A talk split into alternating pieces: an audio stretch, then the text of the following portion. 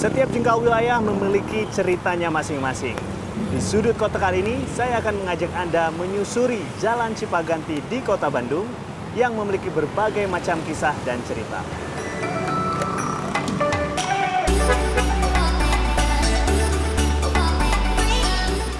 Jalan Cipaganti atau Jalan RAA Wiranata Kusuma merupakan salah satu jalan penghubung dari wilayah Lembang menuju kota Bandung melalui Jalan Setiabudi.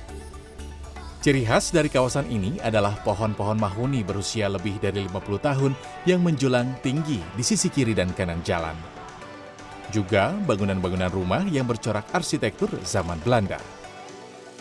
Cipaganti diambil dari kata ci yang berarti air dan paganti yang berarti pengganti. Nama ini berkaitan dengan sejarah wilayah Cipaganti yang sempat diajukan oleh Bupati Bandung saat itu, Raden Adipati Wiranata Kusuma II, sebagai ibu kota pengganti bagi wilayah Krapyak atau Dayeh Kolot kini. Nah, kalau dulu alasan ini dipilih apa sih? Dipilih karena, jadi dulu kalau kepercayaan orang-orang di zaman Sunda dulu ya, hmm. Kang ya, uh, kalau untuk menentukan itu untuk dijadikan tempat pemukiman warga kita tuh salah satu pertimbangan pertamanya adalah daerah itu didiami alo atau enggak dijadikan tempat paguyangan badak paguyangan itu apa? Paguyangan itu kayak tempat berendamnya badak. Oh. Dan jadi... satu fakta menarik ya kan ya, hmm. di daerah sini, di daerah dekat-dekat Cipaganti itu tuh ada tempat paguyangan badak tapi warnanya putih. Warna putih. Warna putih. Dan itu dulu bergelombol ternyata di kota Bandung.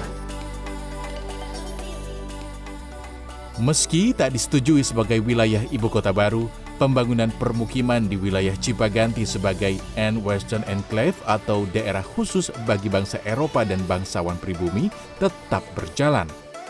Salah satu ciri khas rumah yang dibangun di Jalan Cipaganti adalah dipasangnya nama anak perempuan pertama pemilik rumah pada fasad utama rumah. Di balik rindangnya pohon serta kemegahan bangunan di sekitar Jalan Cipaganti, tersimpan pula legenda urban yang dikenal warga. Setidaknya ada dua cerita yang melegenda, yakni keberadaan makhluk tanpa kepala dengan pakaian seperti pendekar, serta patung kuda yang dapat bergerak sepanjang jalan Cipaganti.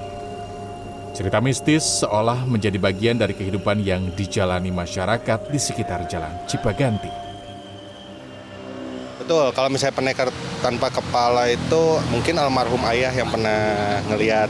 Itu dari daerah sini, Cipaganti yang atas ini sampai ke atas, itu sempat ada korban waktu dulu kata almarhum. Semakin malam, hawa di sekitar jalan Cipaganti semakin dingin. Saya tak mau larut dalam cerita mistis. Saya memutuskan makan malam di sebuah rumah makan legendaris di Jalan Cipaganti bernama Dapur Dahapati. Bangunan ini awalnya dimiliki oleh keluarga pangeran Thailand bernama Paribatra yang mengungsi ke Bandung pada tahun 1932.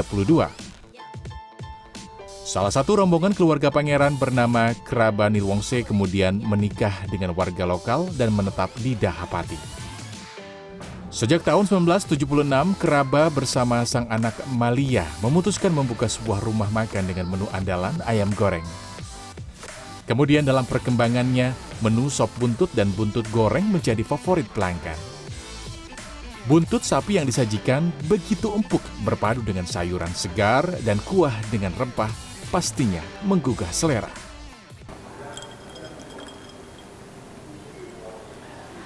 Menelusuri Jalan Cipaganti dengan berbagai macam cerita dan kisahnya bikin saya lapar. Untungnya saya bisa menikmati makanan khas di Jalan Cipaganti yang sudah melegenda sejak tahun 70-an. Angga Putra, Helmi Suranegara, Bandung, Jawa Barat. Makan lagi yuk!